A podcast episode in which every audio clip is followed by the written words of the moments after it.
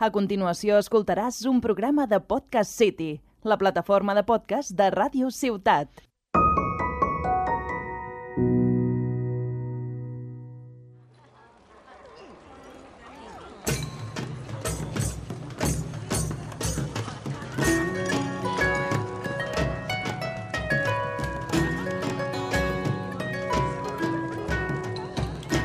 Bona tarda i benvinguts una setmana més a la posada del Poni Pisador, a la taverna de confiança de la tu, amic friki, que vols gaudir d'una horeta de contingut eh, friki per excel·lència, és a dir, friki i de qualitat, a més. Aquesta setmana eh, torna a repetir com a convidat un amic, eh, un company de, de fatigues, un company de moltes nits jugant a videojocs. Eh, bona tarda, Guille. Benvingut al programa un altre cop. Molt bona tarda. Aquí estem un altre cop. Gràcies per Eh, haver-me invitat altra home, vegada. Ja et vaig dir que això era a casa teva, tio, i que cada cop que vinguessis a, o parlessin d'algun tema que t'agrada, estaves convidadíssim. És a dir, eh, entre friquis hem de fer caliu. Hombre, de, i de més, del tema que parlarem avui, per favor. Ah, és el tema que li exacte. tenia més ganes. Exacte, que ens guardarem una miqueta el que és el secretismo eh, fins que presentem el nostre segon convidat, que també es diu Guille, és a dir, també es diu Guille, ell és castellano parlant, pero cap problema, aquí todo el mundo es bienvenido y le vamos a llamar, en este caso, por su nickname, por el cual todo el mundo le conoce, que es Esteiro. ¿Qué pasa, Esteiro? Bienvenido. ¿Qué tal, Chris? Buenas tardes. Encantado de estar aquí. Eh, contento, ¿no?, de estar aquí una semana más. Contentísimo, la verdad. Bueno, ya entiendo que ya, bueno, cuando te comenté de qué íbamos a hablar esta semana, eh, te dije si te gustaría venir de invitado y no dudaste en escribirme un sí en mayúsculas diciéndome eh, sí, obviamente, obviamente que vengo, obviamente. Esta semana vamos a hablar de algo eh, potente, algo fuerte. Hablamos de un juego o un mundo de un videojuego o de una fantasía, llámalo, que ha marcado a muchos jóvenes que a día de hoy ya somos adultos, que empezamos muy jóvenes a jugar y que ha formado parte de nuestras vidas y la cual nos ha abierto muchas puertas para interesarnos en muchos videojuegos y es nada más y nada menos que Warcraft. Hablamos de World of Warcraft o de Warcraft en general. ¿Qué es Warcraft? Es decir, ¿me podéis ayudar a resumir qué es Warcraft? ¿Alguno de los dos? Sí, bueno, te lo digo en un momentito. A ver, Warcraft realmente es un MMO, ¿vale? Es un, es un juego, es un multijugador en línea para que te conectes con tus colegas, llegas misiones en grupo, subir de nivel y desconectar un rato después de, bueno, pues de, tu, de tu día a día. Exacto. Eh, Guille, si no m'equivoco, en aquest cas, parlem de que Warcraft no és algú nou. És a dir, el que és l'univers Warcraft ja fa molts anys que existeix, oi? Fa molts anys, diria que uns 15. Sí, Eh, més o menys. World of Warcraft 15, correcte. Bueno, clar, de World of Warcraft primer. Sí, parlem de l'univers Després tenim Warcraft, eh, Warcraft, Warcraft 2, Warcraft 3, el Clar, que gran van Warcraft sortir. 3. que van sortir... Clar, el primer Warcraft va ser a l'any 1995. No, 94, Mira. perdó. 94. 94, Sí. un any més un any més vell que jo. Imagina't, bueno, més que jo no en aquest cas, però jo tenia només dos anys. És a dir, per a aquestes persones que estiguin escoltant el programa, que ara mateix s'estiguin sentint rotllo molt grans, no passa res. El temps passa per tothom. Jo també m'estic fent gran. És a dir, a l'any 92, a tu escolt que estàs escoltant, que et sents gran, a tu et queda molt lluny, però clar, òbviament, eh, a mi també em queda lluny ja, a mi comença a quedar molt lluny. Eh, Esteiro, en el año 94, ¿cuántos años tenías? Pues uno. Uno, uno, uno. Tengo la misma edad que Guillem, o sea que estamos los dos igual, tío.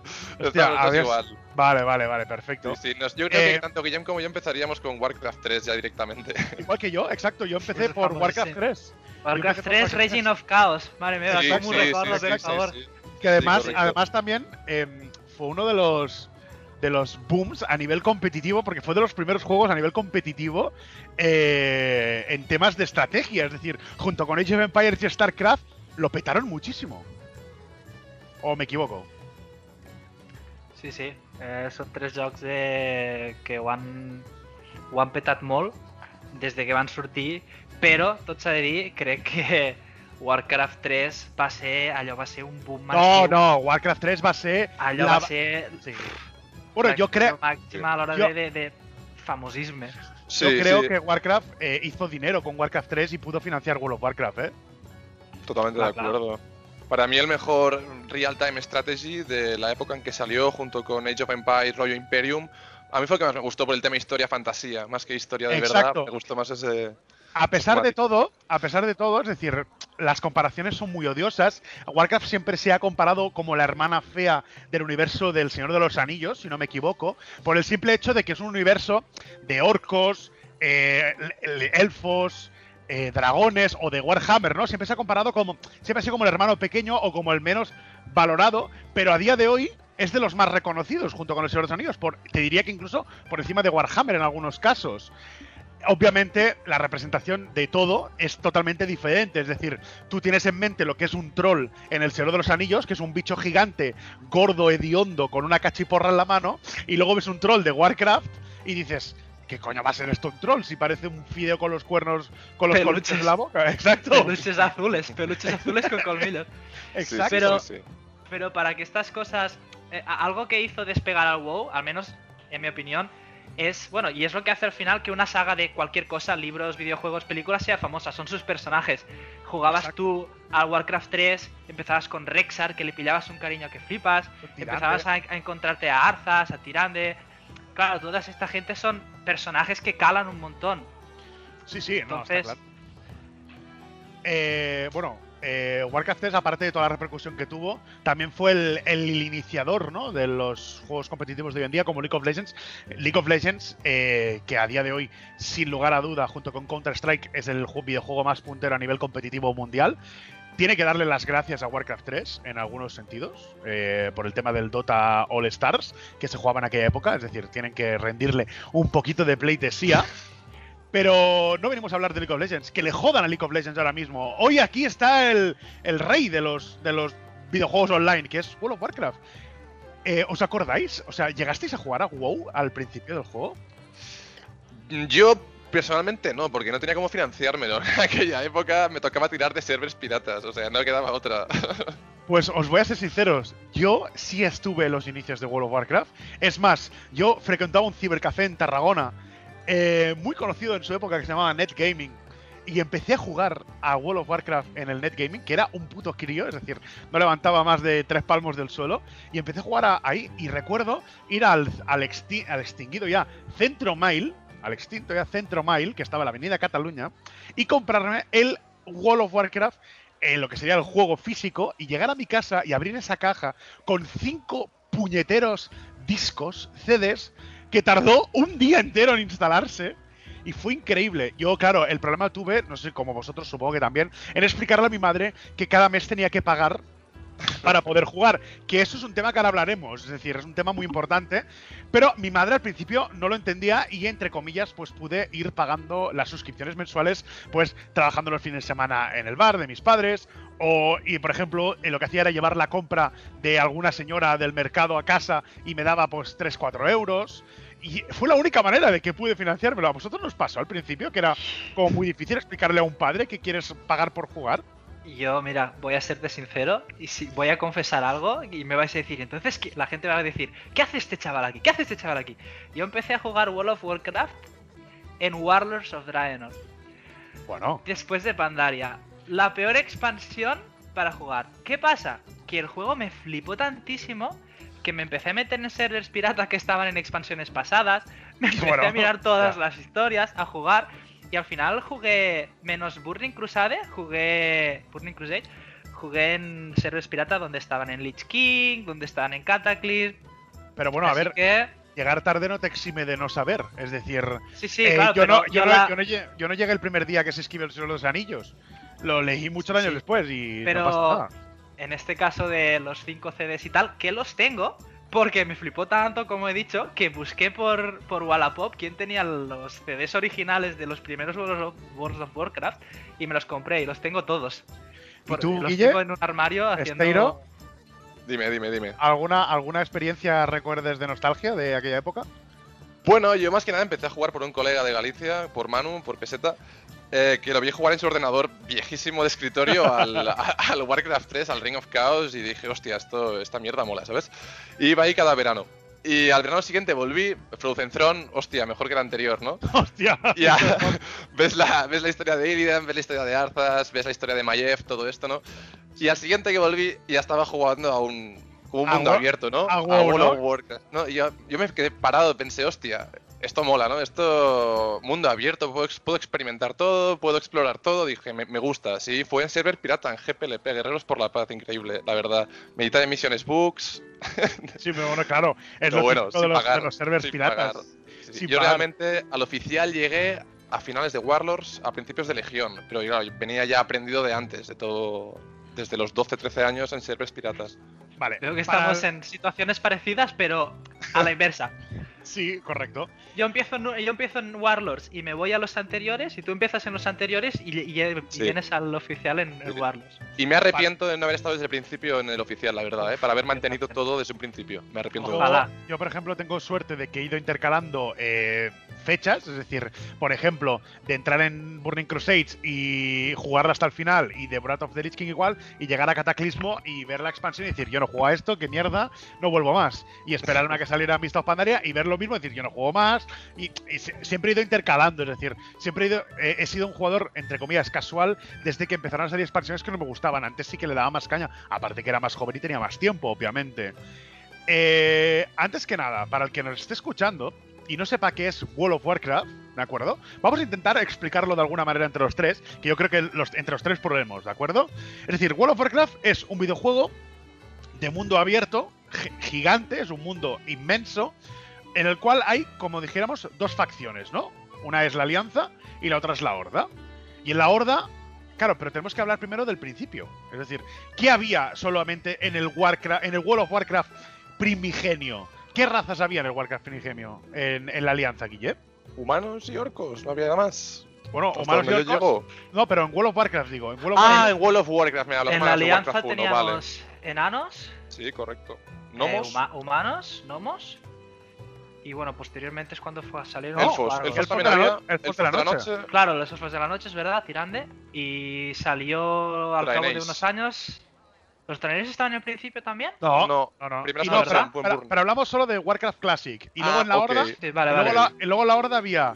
Eh, Minotaurens. Los orcos, los taurens, los trolls, orcos, taurens, trolls y ¿No los muertos? no muertos. Y los y no los muertos. Y ya está. Claro, y es decir, y cada una de ellas, eh, obviamente, dentro del juego, tenía, pues como dijéramos, su capital, su zona, su historia, ¿de acuerdo? Y cada personaje podía ser una clase. Luego ahora hablamos de las clases, ¿no? Es decir, cada clase de cada personaje, pues habían los guerreros eh, orcos, habían los taurens druidas, había un eh, no muerto mago, pero un no muerto no podía ser druida. Y un tauren no podía ser, eh, yo qué sé, Mago, creo. Mago, no son Mago, por ser, ejemplo, correcto. Es que eso, eso está muy guay porque tú ves a los Taurens, que son como, vamos a decirlo, como minotauros, humanoides, Gigantes, pero gigantes. gigantes, humanoides, toros. Que, que claro, tú los ves ahí esos tienen pinta de guerreros, de meterse de hostias. Y no de castear hechicitos ahí en la backlane. Claro, no. claro, es decir. Y eso eh, molaba porque decías, hostia, esto está guay que, que un, un animal, un toro enorme, no, no puede ser mago. Eso molaba bastante. A, mí me, a mí me gustaba mucho este factor y además que en el en el Warcraft, en el World of Warcraft, hablemos del Warcraft como el WoW, el WoW primigenio, ¿de acuerdo? Era excesivamente difícil para, para lo que realmente, eh, para la edad que nosotros teníamos realmente. Es decir, World of Warcraft no era un juego para niños. Eh, No. Esteiro, corrígeme si me equivoco. No, para nada, un juego bastante complicado, bastante complicado. Lo hemos podido experimentar hace poco con la salida de Classic hace un año, que se ha Sí. vuelto a poner la misma mecánica. Y yo sinceramente me pegué un tiro en el pie intentando subir un personaje como no tocaba. Y la verdad es que bastante complicado, bastante complejo, pendiente de muchas cosas, de muchas cosas, mucha estrategia en equipo y sobre todo es eso, muchísimo juego en equipo, mucha comunicación. Cosa que ahora, a día de hoy, en el WoW de ahora, esto, entre comillas, se ha perdido. Es decir, ahora es mucho más sencillo Warcraft. Obviamente, con el paso de los años, han intentado que World of Warcraft sea mucho más accesible a todos los públicos, obviamente. Simplifican, están intentando simplificar el juego un poquito para intentar captar nuevas generaciones, nuevos jugadores. Que es lo que está pasando Eso- ahora con el, con el nuevo, con la, con la Sí, nueva en expansión. parte está, está bien porque más gente conoce el juego y tal, pero luego está la, la gente como nosotros, que, que vemos que nuestro juego se, se facilita un montón y, y antes tenías del 1 al 9 ocupados, más las Fs de la 1 a la 8, y ahora tienes 5 habilidades y ya está. Exacto. Entonces, eh, eso a la gente hardcore, por lo general, que se simplifique algo, no sí, nos gusta, a ver, al menos a mí, a mí el simplificarlo no me molesta, pero lo que, lo que me resulta un poco tedioso es lo que decía Guille, que antes tenías 15 habilidades, 20 habilidades que usar en una partida contra otro personaje, contra un boss, por ejemplo, y ahora con tres, o sea, con tres botones puedes jugar. O sea, me estás diciendo que los hunters, los cazadores del juego, puede- pueden jugar con tres habilidades. O con Sí. Diría que es el, El cazador, bestias, sí, el el cazador bestias, bestias. Sí, sí, El bestias. tiene tres habilidades. Es que Entonces dices, Y antiguamente, y antiguamente los cazadores eran de las clases más complicadas, porque ponían trampas, tenían que mover las mascotas, tenían que darles de comer. Ahora, ahora es, es- es una clase para, para bienvenidos, es decir, para personas que acaban de llegar. Sí, sí, Eh, totalmente de acuerdo. Es que no. e- Es lo único malo. Luego, también os digo una cosa, que el tema de las. ha cambiado mucho. Es decir, antiguamente los guerreros estaban como. como. Tenían otro estilo de juego. Es decir, antiguamente los guerreros en Classic eran como que necesitaban sí o sí a un sacerdote detrás, curándoles todo el rato. Porque, claro, los guerreros iban ahí a lo loco. ¡Ah, me cago en todo! Y, y arrayaban con todo. Y ahora realmente no. Ahora realmente los, los guerreros tienen habilidades para curarse, para Todo el saltar. mundo, todo el mundo tiene todo, ahora mismo. sí. Todos tienen para sí. un silencio o un stun, eh, Sí, sí. algo para curarse y sobre supervivencia. Todas las clases, al final, cuando juegas y, y te empiezas a hacer alters y otros personajes, al final todos son los mismos. Tienen las cinco habilidades principales, una o dos de supervivencia, una o dos para curarse, un silencio o un stun. Es muy, lo han simplificado un montón Sí, para que desde mi todas punto, sean de, muy desde mi punto de vista no es bueno para el juego porque esto como que mata un poco el roleplay del, del WoW. Exacto, Porque si todo el mundo puede curar, entonces ¿para qué coño te vas a hacer un, un, healer, Sí, ¿no? Un, cura- sí. un curandero. No te hace falta, un no te hace sacerdote, falta. sí. Sí, no te hace falta. Yo os voy, a pregun- os voy a hacer una pregunta. ¿Cuál fue vuestro primer, primer, primer personaje? Es decir, el primer personaje que vosotros escogisteis siendo muy jóvenes, sea un server pirata o sea en el, en el oficial, ¿cuál fue vuestro primer personaje? El mío fue eh, Elfo de Sangre, guerrero, que a día de hoy sigo jugando con él. O sea, fue mi personaje principal y siempre que empieza expansión y las primeras raids juego con mi guerrero. Siempre, en todas. Luego ya cambio y tal, pero y ahora que saldrá la nueva expansión, que hablaremos de ella, voy a jugar otra vez con mi Warrior, ahí seguirá. Warrior Elfo de Sangre. ¿Esteiro? Yo en server pirata empecé con un Draenei guerrero también. y después en, en el oficial el principal es un pícaro, un goblin pícaro. O sea, pasaste de la alianza a la horda. Sí, sí, y ahora horda para siempre, ya, ya me quedo aquí. Yo, a mí, a mí me pasa exactamente lo mismo. Estoy hablando de que mi primer personaje fue un elfo de la noche guerrero. Os lo prometo, un elfo de la noche guerrero.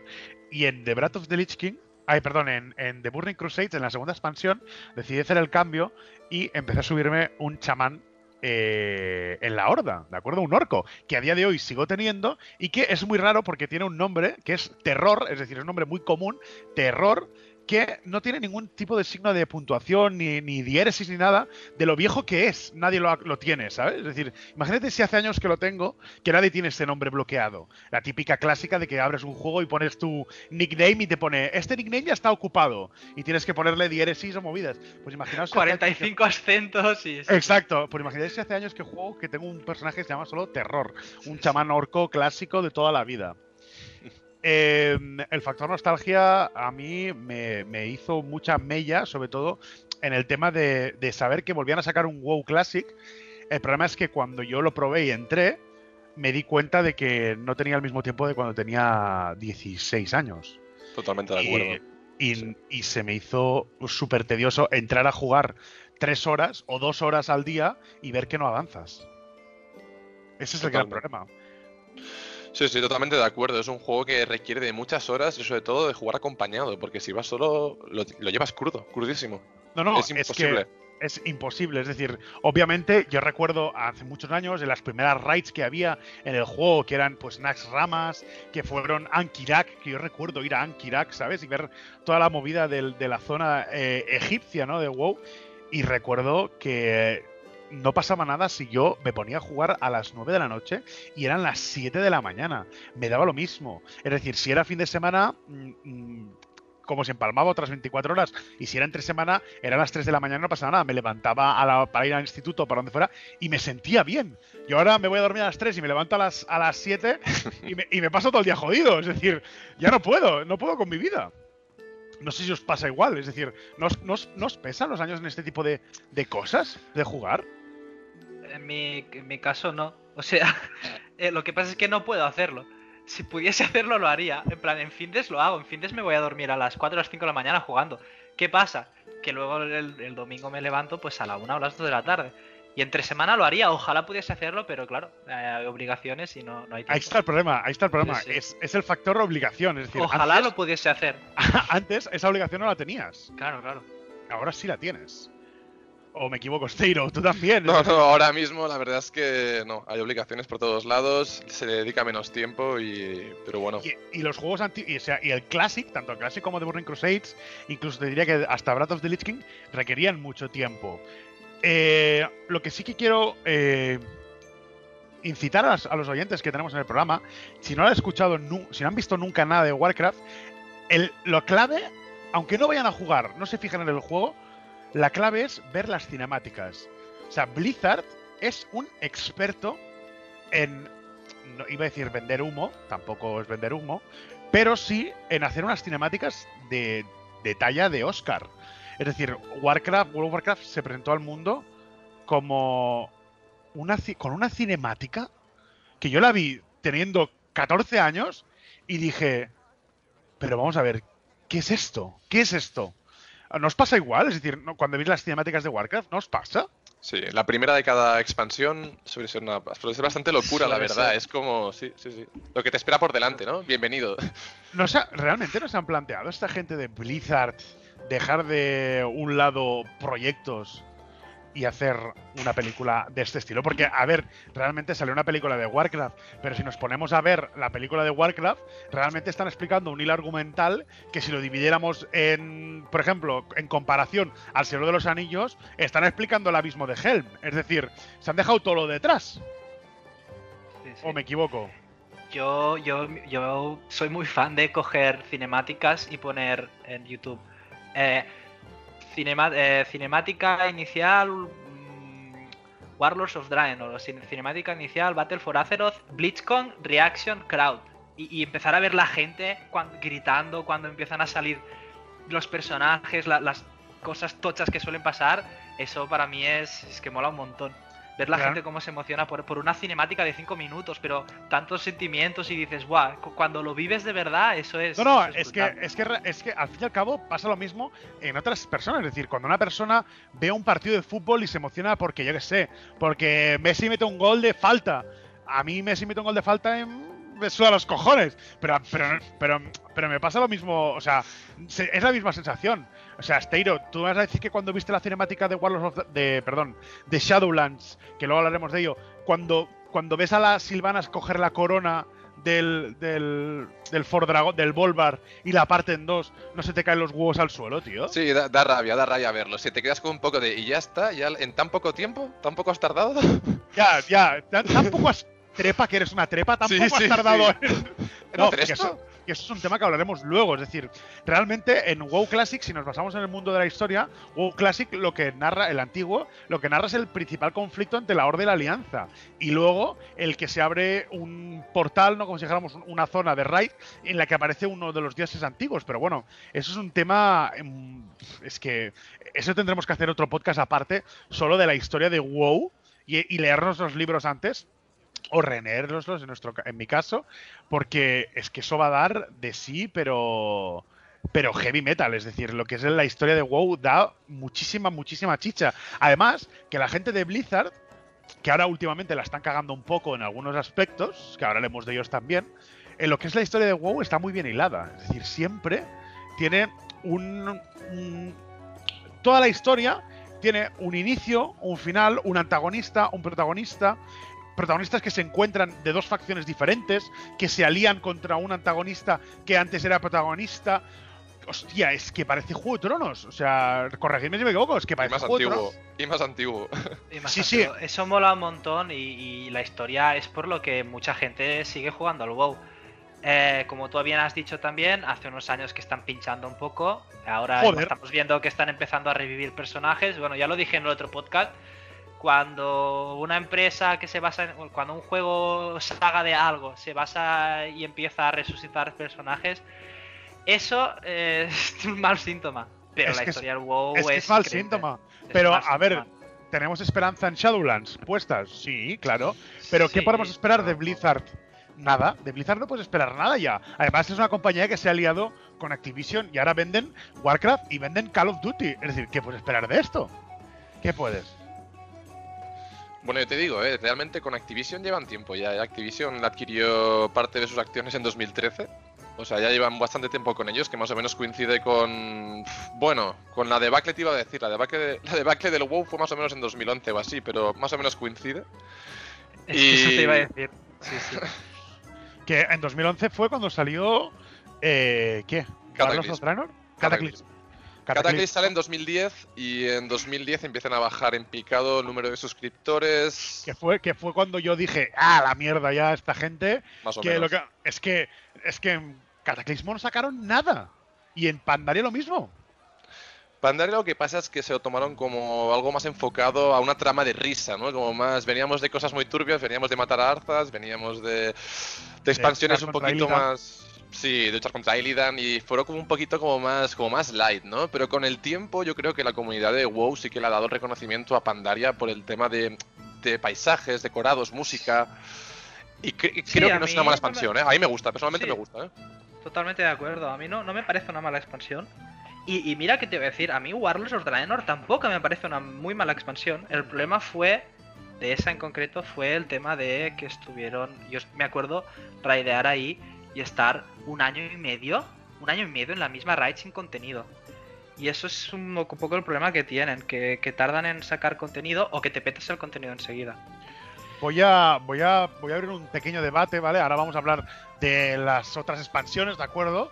De expansión. Vamos a hablar expansión por expansión para explicarle un poquito a la gente y también abrir en debate de las cosas nuevas que salieron y tal. Pero yo quiero abrir un debate, es decir, a día de hoy, que hoy es 12 de octubre del año 2020, 12 de octubre del 2020, ¿por qué cojones se sigue pagando World of Warcraft mensualmente como una suscripción de Netflix o de lo que te salga de las narices cuando no están dando un servicio como para recibir un pago mensual? Mi pregunta Mira. es, ¿tenéis una Ah. respuesta a eso? ¿Por qué Yo tengo una rápida y sería costumbre. Y ya está, no hay justificación detrás, mi opinión. Sí, porque les funciona. ¿Costumbre? Es porque, porque les funciona. Porque Por costumbre, sea- porque ya estaba así y así se ha quedado. Pero no es necesario. Es decir, antiguo, es decir, yo, ¿vale? Podría eh, alegar que yo ya pago un internet en casa y que me parece excesivamente caro, que además no es barato Warcraft al mes. ¿Cuánto es eh, este euro al mes? ¿12? 12 euros. Si te la compras, si lo, men- si lo renuevas mensualmente son 12 euros. 12 euros, ¿eh? O sea, estamos hablando de 12 malditos euros, que eso es un menú fácil eh, comiendo en un restaurante. O sea, 12 eurazos. Y que es, y realmente, antiguamente, cuando los juegos no tenían eh, launchers, ni servidores, ni movidas tan, tan tochas, Warcraft daba un servicio muy bueno. En este caso, un servicio en el cual pues no se caía, en el cual eh, daban un, contenido increíble y, era, era entendible, entre comillas, que fuera de pago. Pero ahora, sea, ¿tú crees realmente que es como lo que dice Guille, que es por costumbre? Yo creo que sí. Yo creo que los números no les han bajado lo suficiente como para replantearse eso. O sea, que aunque hayan perdido millones y millones de suscriptores, les sigue saliendo a cuenta cobrarte 12 euros al mes. Que los han perdido, ¿eh? Que los han no. perdido. los han- Pero les sigue saliendo a cuenta. La gente sigue co- la, gente sigue pagándolo. Sí. Entonces, si la gente lo sigue pagando, quien quiere jugar lo paga y ya está. Y nadie se plantea, hostia, ¿por qué lo seguimos pagando? Quiero decir, ahora No, mismo ya no es, necesar- no es necesario, claro. eh, pagas por jugar y ya está. Claro, Pero- y además, y además no es solo eso, es decir, que si tú, por ejemplo, ahora quieres jugar a Shadowlands, no es solo pagar y tienes Shadowlands, sino que tienes que comprarte la expansión, que son 40 pavos, más Sí. la suscripción Correcto. mensual. A mí me parece, a mí me parece que yo lo pago de buena gana, ¿eh? Y 12 euros no me supone un- algo muy difícil, pero yo creo que priva a muchas nuevas generaciones de poder probar el juego. Yo creo que no, ¿eh? Yo creo que no porque si, lo equiparamos a PlayStation es lo mismo. Tú te compras un juego por el mismo precio, más caro incluso, porque son 60 Sí. 70 euros, y aparte, pagas, y, ahora, y ahora serán 80. y aparte pagas la mensualidad de, de conectarte a internet, de, de Sí, que poder eso es un jugar tema online. que hablamos, que, que es que no lo entiendo, no entiendo. El- lo de PlayStation sí que no lo entiendo. Que yo entiendo que primero, antes caerá PlayStation y Xbox antes que caer Blizzard, porque Blizzard de momento le funciona. Pero no sigo sin entender por qué se cobra 12 pavos al mes. Es decir, me parece aberrante y, y, y muy de, de hace años. Es decir, Pero, sí, sí, pero es que la- es por eso, la gente sigue pasando por el aro y es que ahora mismo ya no es necesario. Mira PC, quiero decir, en PC juega más gente y tú no pagas nada. Quiero decir, eh, en PC, fuera de World of Warcraft, me refiero a Steam y juegos online de, de, sí, sí. de ese calibre. O, ya sea LOL. Claro, No, no, exacto. y no, y El aparte- LOL- y el aparte- LOL- el LOL tiene el triple de jugadores, no, que el triple, 10 veces más jugadores que el WoW posiblemente. Y, y no, no pagas nada.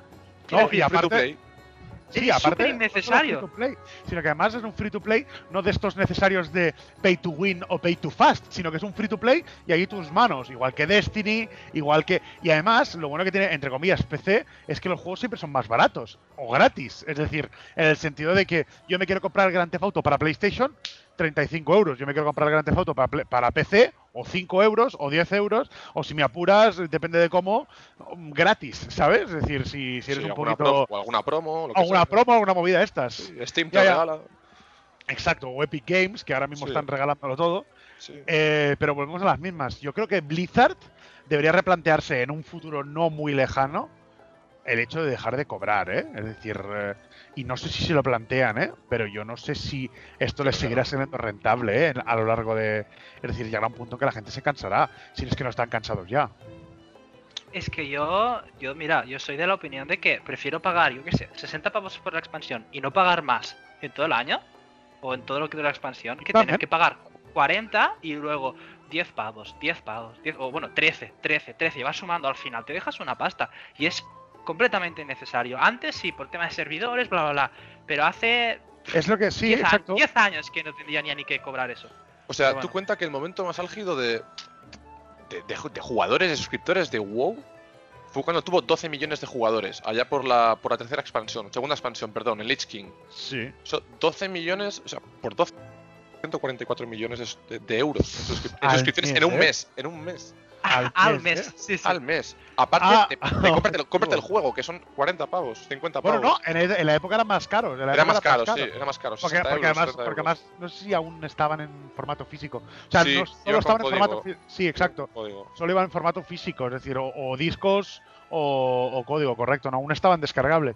Terrible, terrible. O sea, lo de Blizzard es terrible. Y ahora, eh, no sé si qué, va- qué cojones van a hacer con Diablo, pero lo de Warcraft 3 Reforged fue una pasada la, la tomada de pelo a los usuarios de Blizzard con lo del Warcraft 3 Reforged, lo del Heroes of the Storm, que sacaron un League of Legends de- del mundo Blizzard que se les ha ido a tomar por el culo, que le queda que le quedan 10 días a los servidores para estar cerrados para el resto de la vida. Es decir, diría, diría que hace un año ya anunciaron que no iban a, ya no había equipo de, de desarrollo nuevo. En plan, simplemente habría equipo de mantenimiento, pero ya ¿Para no Heroes? sacarían más, más contenido. Sí, sí, el Heroes of the Storm cancelaron el competitivo y dijeron, bueno, vamos a abandonar el equipo de desarrollo, vamos a ponerlo en otros equipos de WoW, de Diablo, bla, bla, bla, a la gente y Sí. vamos a dejar a unos cuantos desarrolladores tal de mantenimiento, eh, mm, balanceo de personajes y tal, pero que no iban a, a sacar ya nuevos contenidos regularmente. Igual sacan nuevos personajes cada X tiempo, pero muy largo.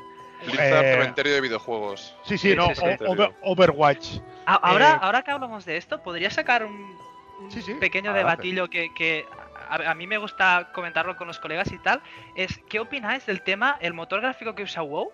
¿Molaría o, o- o veis viable que se hiciera eh, un World of Warcraft 2, por decirlo de alguna manera, con un nuevo motor gráfico, nuevas animaciones, nuevos... No. No porque te cobrarían otra vez. no. Claro, claro.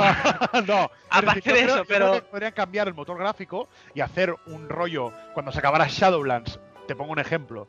Rollo, un. Yo que sé, una explosión de algún lado, ¿sabes? Y que se, todo se viera diferente. Pero te refieres a poner un motor gráfico tipo como el del Black Desert. Sí, algo parecido. Quiero decir, es que ahora el WoW el problema que tiene es que se ha quedado muy ya en el rollo cartoon y es como su sello de identidad, pero ese sello de identidad ya es muy viejo. Es muy...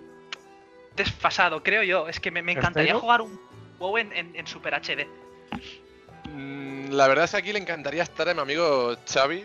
La verdad es que él ve necesario, como dices tú, Guille, eh, un motor gráfico nuevo, rollo Black Desert también. Pero si me preguntas a mí personalmente, yo te diré que yo estoy del lado de, de Chris y que en este sentido me gusta más el, el estilo de dibujo que lo caracteriza. Imagino que, imagino que por el factor nostalgia, entiendo, ¿eh? porque sí, son claro. muchos años. Pero, pero tienes razón, Guille, es decir, molaría mucho más ver, pues, por ejemplo, Sí, también sí, el tema de los movimientos, sí. que hay muchos que se ven muy, como muy forzados muchas veces, o los personajes, pues, a lo mejor en, en formato HD 4K Mega Mix quedarían mucho más heavy, ¿no? Es decir, quedaría mucho más vistoso ver un, yo que sé, un Lich King tipo gigante como en el Black Desert con, no sé, quedaría muy guay. Claro, es que chocaría un montón porque ahora es todo muy cartoon y muy, muy alegre, no, no hay el rollo sangre real y cosas más explícitas y tal, pero Tipo rollo Dark Ah. Souls. sí, yo creo que molaría un montón. Que se chocaría un montón y sería muy raro porque los orcos los tendrían que hacer como en la película y ahí es un poco raro. Sí. Pero, hostia, yo creo que molaría un huevo. A mí me viene a la cabeza, cuando has dicho esto, me ha venido a la cabeza el Guild Wars. No sé por qué. Que era como dijéramos la versión realista, entre comillas, del WoW en su día, ¿no? O el Lineage en su día que competía con, con Warcraft. Pero bueno, se acabaron estampando los dos. Como todo el que se enfrenta a Warcraft, Sí, vamos. Pero, pero en este caso, dentro de Blizzard, las otras franquicias se han ido a la mierda. Overwatch se ha ido a la mierda. Sí, no me jodas. ¿Qué- qué- Sí, no, sí, hay ahora gente va- van a sacar el 2 piensa- ahora. Van a sacar el 2 ahora. Pero lo que pasa es que el WoW, mira, el WoW ganó tantísimo al salir antes que los demás que la fanbase se quedó ahí. Sí. Ah, sale el WoW unos años más tarde con otros competidores. Buah, es que no lo sé. Es que. pff, no porque el Lich King fue increíble. Pero. Sí, mejor expansión, mejor Sí. expansión. Pero no sé, hoy en día, si el WoW no me dices, Buah, es que no hay una fanbase del WoW, sale un juego ahora como el WoW y no triunfa, creo yo. No, porque la gente del WoW es fiel al WoW. Yo no me iría. Yo, yo personalmente no me voy a ir No, a otro. MMORPG. No me voy a ir. No, porque yo, por ejemplo, ahora he probado el nuevo este que se ha puesto tan de moda, el gachapón este del Genshin Impact, que no está mal, pero a mí me aburre. A mí me aburre. Y es en plan rollo, eh, puta suerte de que te toca un personaje, o pagando, pay to fast. Nada, nada, a mí no me mola. Prefiero pagar lo otro, ¿eh? Antes que, que darle dinero a una empresa china rollo en plan eh, lotería, o sea, o en plan tragaperras, lo siento, pero no. No. No, me, no, me, no va conmigo. Y Black Desert, eh, tengo que decir que le he echado algunas horas, pero a mí me cuesta, ¿eh? Me cuesta, prefiero Warcraft, no sé, por el estilo, ¿eh? Tal vez, por lo que decíamos del estilo cartoon y estoy más adaptado a sus a su historia y a sus razas que no o clases que no que no en otros, en otros juegos. Y a la mecánica Hostia. misma de juego. Llevas más tiempo ya acostumbrado. Sí, también, también, correcto. Es decir, es como si ahora Ah. paso de League of Legends a Dota 2. Claro. Es que cambia mucho, pero por ejemplo, eh, yo en el Black Desert le he echado un montón de horas. Creo que lo dije en el otro podcast. En el Black Desert tengo 3.000 horas. ¿Qué pasa? Que a mí, al final, yo juego al WoW por las raids. Por las raids, por, por la gente que conoces en raid. Tenemos un montón de colegas. Tengo amigos que hemos ido a Madrid, hemos hecho, que hemos hecho quedadas de raid. Todos los de raid en Madrid. Gente de Galicia, de Sevilla y tal. Yo he ido a Inglaterra, a casa de un colega. Yo he ido a casa a Claro. Inglaterra cuando se jugaban los servidores ingleses, porque no existían los servidores españoles. Yo he ido a casa de un colega de Inglaterra que conocí a través de Warcraft. Ojo, ¿eh? Sí, que claro, los otros juegos no tienen una mecánica, o al menos no, no lo han sabido hacer tan bien. La mecánica esta social, rollo de, de jugar raids y todo eso, no, no hay un juego que sea tan... Jabotel. Jabo- Jabotel sería la, la- Entonces, no sé. Bueno, vamos a hacer un, en este caso, un pequeño hincapié, ¿no? En que cuando se acabó eh, lo que sería WoW Classic, por allá 2006, ¿fue? 2000, sí, 2006, ¿no? 2006-2007. 2006-2007 entró lo que es la The Burning Crusades, que fue la primera expansión que todo el mundo se quedó eh, ojiplático cuando vieron que había una expansión, y no solo que había una expansión, sino que en la expansión venían razas nuevas, que eran dos razas, que en este caso fueron los eh, Los elfos de sangre, los Draenei, los elfos de sangre, De sangre.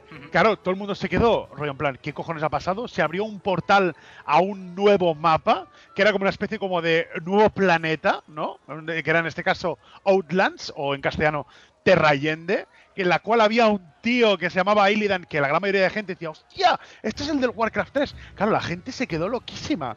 ¿Qué novedades representó, en este caso, el WoW?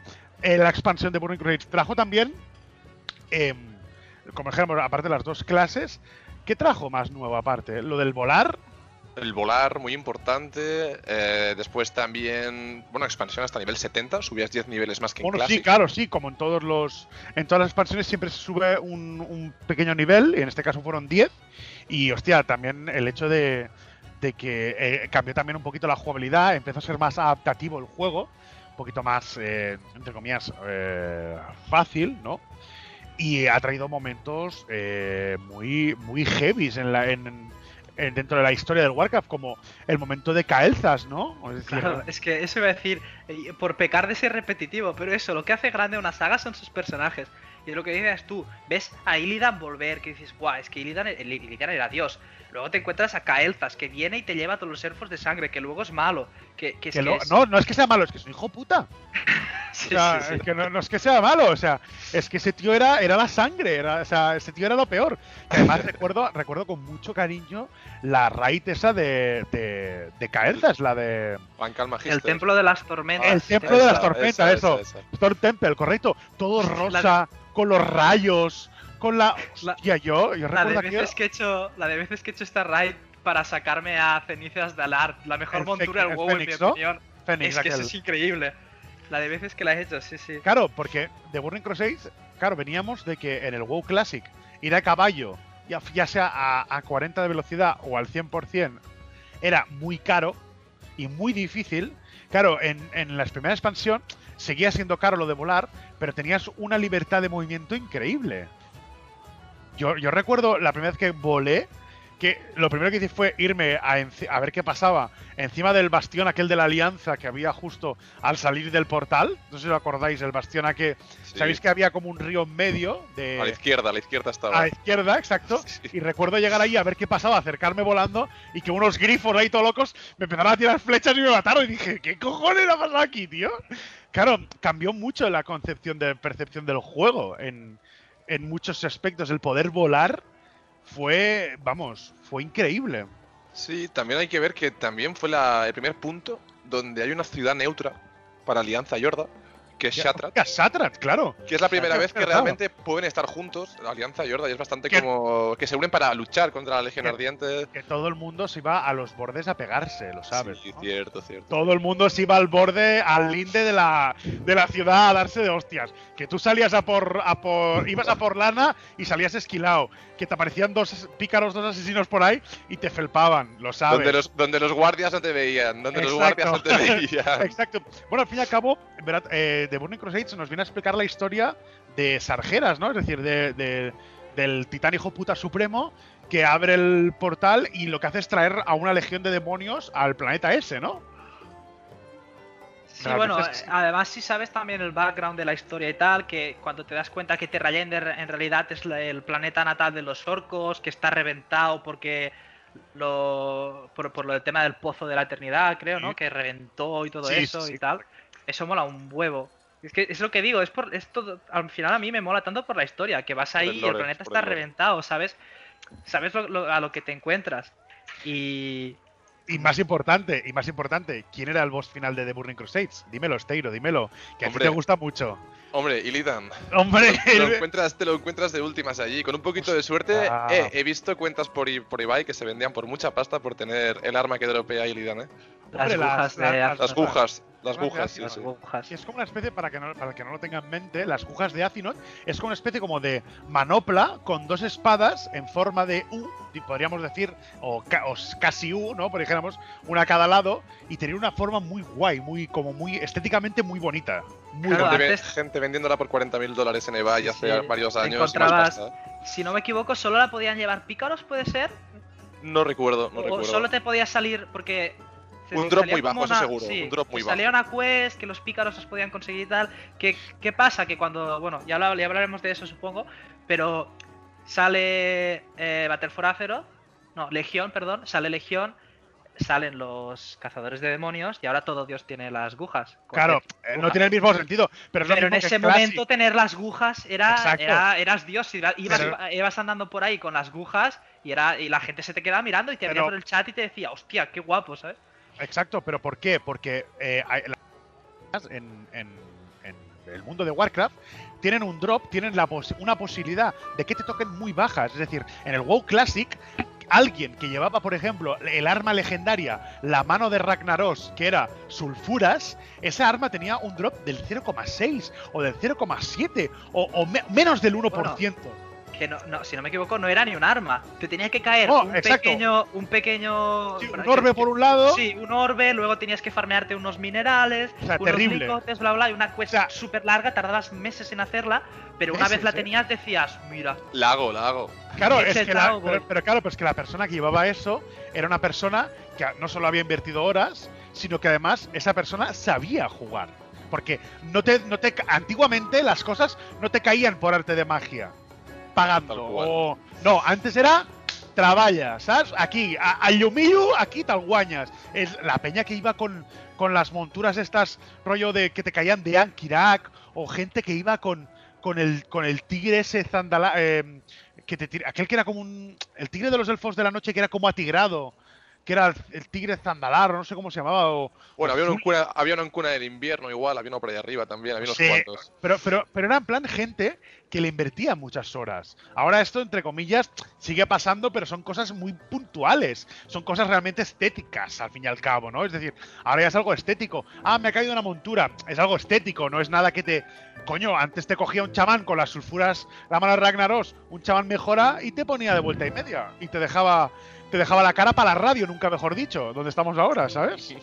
Esto ya no pasa, ¿eh? se nos queda muy atrás, no Chris. pasa. Esto ya no Y luego, y luego, al final de la expansión, siempre cuando acaba la expansión, tienes que matar, como si dijéramos, al protagonista o al antagonista de esa expansión, que en este caso era Illidan, el boss final de, de Burning Crusades, que estaba en el templo de. el templo oscuro se llamaba? Oscuro. Black, Templo Black oscuro, Temple, ¿no? sí, sí, sí.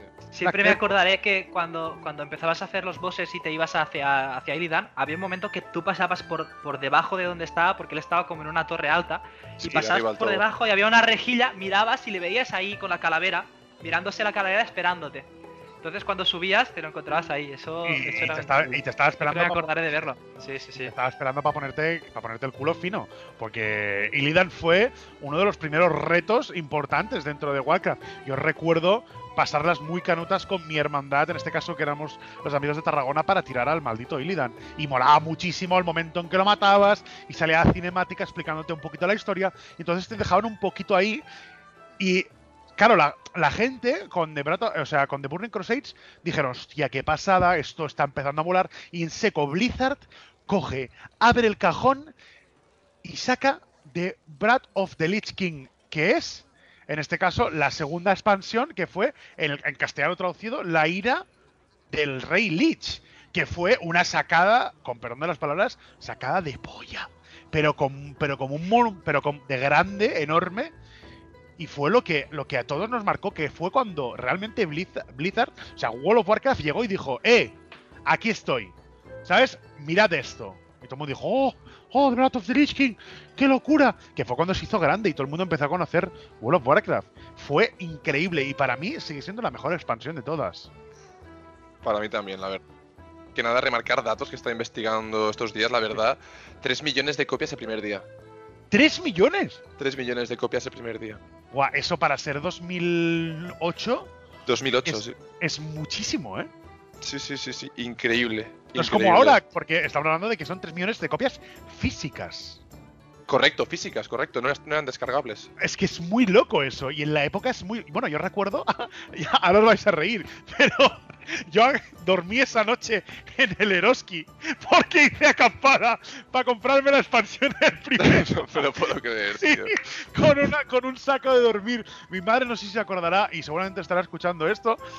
Pero yo, esa noche dormí y le dieron permiso a Game para poder dormir dentro del dentro del Eroski. Y na- realmente no dormimos. Y además todos lo sabíamos que fue comprarse el juego y no era llegar a casa y jugar, sino que era llegar a casa e instalar. Hablamos de una instalación mínima de 6 horas. Correcto. Aproximado- aproximado. Aproximadamente. Y levantándote cada hora y media, dos, a cambiar de disco. Eso es otra, ¿eh? Yo por aquella época me tocó más tirar de emule y la verdad que fueron como unos 5 o 6 días tranquilamente con la conexión que tenía en casa a Ah, pulse, ¿eh? ya te lo digo ahora días mismo. Seis días de emule. Seguramente te bajaste el juego y unos 100 o 200 troyanos tranquilamente, que, seguramente estarían campando a sus anchas por tu ordenador mientras tú jugabas tan tranquilamente. Guille, ¿tú, tú recuerdas, en- o sea, Guille, en este caso tú no jugaste de Breath of the Lich King cuando salió, pero sí la has jugado a, pos- a posterior y has revivido lo que, lo que representó. ¿Qué novedades presentó en este caso eh, de Breath of the Lich King en el universo de Warcraft? La principal y creo que la que más moló a la gente fue el tema de, bueno, aparte del regreso de Arthas y el tema de Lich King, que incluyó el Caballero de la Muerte, la nueva clase que... Que era en este que caso una mezcla entre, entre brujo, guerrero, que te Brujo pegaba, te- guerrero, sí, te sí, echaba sí. pestes, te levantaba muertos del suelo. Bueno, claro, el Caballero de la Muerte fue un shock para, para todos. De decir, hostia, esto es el sumum de los, del sumum de los, de los guerreros. Porque fue, vamos, fue un cambio impresionante dentro de la jugabilidad.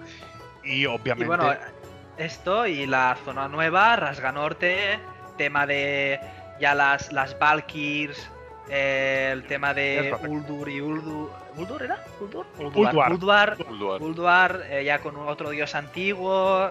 Bueno, Sí, eso, que el el, dios de que Ulduar- había ahí. ¿El dios de Ulduar quién era? Era el.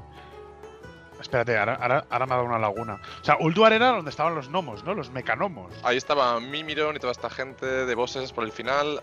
Sí, Vale. y, el, y Ahora- el boss finales eh, era Yoxaron, si no me equivoco. Jock Sharon, correcto, sí. exacto. Sharon, que tiene nombre de presidente de Israel.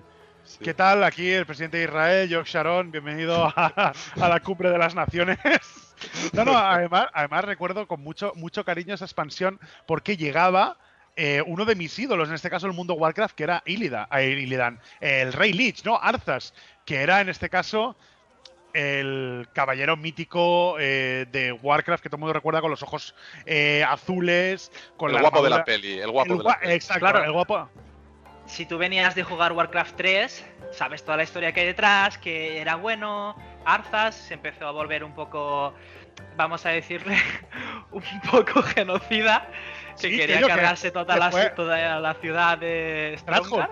No, fue Stratford y dijo, oye, esto hay Claro. que purgarlo. Se empezó a volver loco, luego hizo el trato con el Lich y bueno, y ahí se volvió Lich King y claro, tú, ves la cinemática de, creo que si no me equivoco era, era Gul'dan, que iba y, y le revivían el trono, que le derretía el Sí, trono porque le estaba correcto. congelado, esa cinemática, Sí, sí, sí. claro. Bueno, eso, lo de lo de otra vez, eh, es que soy repetitivo, pero personajes, personajes que son mitiquísimos, a día de hoy siguen siendo mitiquísimos y que marcan a la gente y poder ir ahí, encontrártelo y, y matarlo, Y no, solo, y, no solo, y no solo eso, es decir, no solo matarlo a él, sino que es toda la historia que te comes antes con el tema de que aparece Colmiosaurio, que ve a su hijo que está. que, lo- que, lo, que lo han cogido los del. Porque realmente, es decir, el Rey Lich lo que hace es traer como una especie como de peste, ¿no? Como de maldición al mundo, ¿no? Que es como dijéramos la, la, la, la peste, ¿no? Se le llama la peste, al fin y al cabo, ¿no? zombies, sí, sí, eh, revive Sí. a la peña. revive la peña zombie y se monta un ejército muy parecido a lo de Game of Thrones, ¿no? También, es decir, sería el caballero blanco ese, sería Sí, el, el Rey además- Lich, realmente. Sí, sí, además son.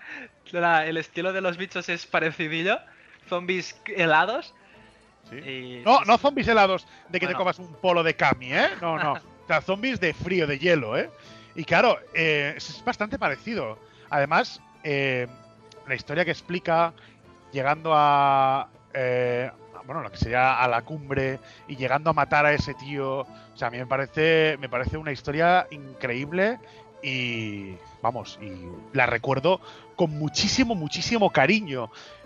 Al final de todo, lo que pasa es que, Esteiro, que tú matas al Rey Lich, lo mandas a tomar viento fresco, y Volvar se queda sentado en el trono, y él lo que hace es morirse, morirse él mismo, para eh, contener la maldición. ¿No? Entiendo. Sí, él como que se queda allí, bueno, para mantener la, la puerta, ¿no? La, la brecha que hay entre el mundo de los muertos, entre Shadowlands, digamos, que es la Sí. siguiente expansión, y claro, el mundo real, ¿no? Claro, claro. Correcto, aunque si te, si te digo la verdad, eh, ya que habéis hablado del tema de historia vosotros, de, de- de la expansión de Lich King, si te tengo que hablar, me fijaría sobre todo en el tema gráfico, de la expansión que da un, una mejora increíble cuando partimos de, de Burning Crusade. Y después mucho hincapié en el tema de, música, de banda sonora, curradísima. Desde mi Sí, punto de sí. vista, curradísima. En cada nueva zona que entras hay nueva música, acorde con la, con la temática que estás viendo. La banda sonora, perfectamente nada que envidiar al Señor de los Anillos. ni Nada, para nada, ¿eh? para nada. En un nada. videojuego, después aparecen las primeras bandas que son un poquito más largas, más complicaditas, como pueden ser Nax Ramas, como puede ser eh, ICC, que es Corona de Hielo. Sí. Ulduar es muy larga también, 25 personas son. Sí, sí, invito a, invito a la persona que quiera a ponerse la banda sonora de World of Warcraft y que disfrute como un niño, ¿eh? Es Porque lo, va, porque lo va a disfrutar. Yo cuando entrar en el curro o, o hacer algo de trabajo tal, me pongo bandas sonoras de, del WoW de, de fondo, que están concentradas un montón además. Pero bueno, también quería comentar tema de que trajo momentos esta expansión que yo me acordaré siempre cuando matas a Arthas, la cinemática esa de, de que sale su padre de la espada, porque Arthas mató a su padre, y le dice la frase esa mítica de, hijo mío, el día que naciste, los bosques de Lordaeron susurraron tu nombre. Tu nombre, Arthas. Y Arthas ya arrepintiéndose un poco y esa- esas son cosas que yo...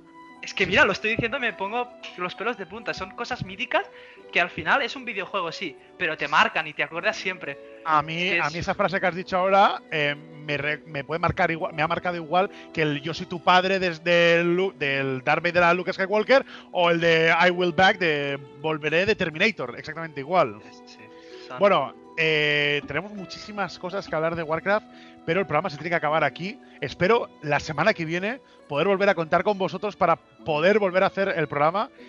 Y nada, a los que nos estáis escuchando, eh, espero que os haya gustado igual que a nosotros. Esperamos la semana que viene que volváis a estar al peu del canó escoltant el nostre programa, eh, que a cap i a no és meu. És a dir, encara que posi la meva cara a la foto, no és meu el programa, el programa és vostre, perquè tots tots formem la taverna del Poni Pissador, el que és la posada, tots som part d'aquesta posada.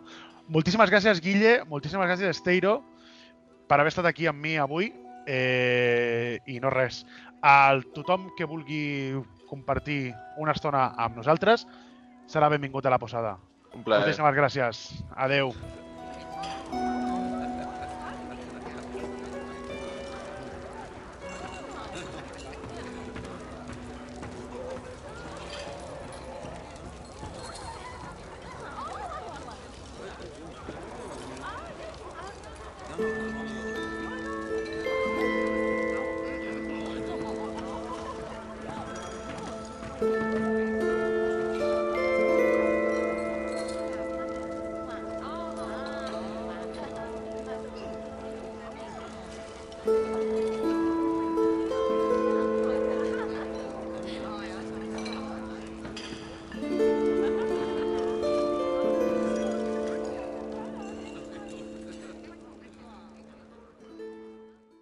Has escoltat un programa de Podcast City, la plataforma de podcast de Ràdio Ciutat.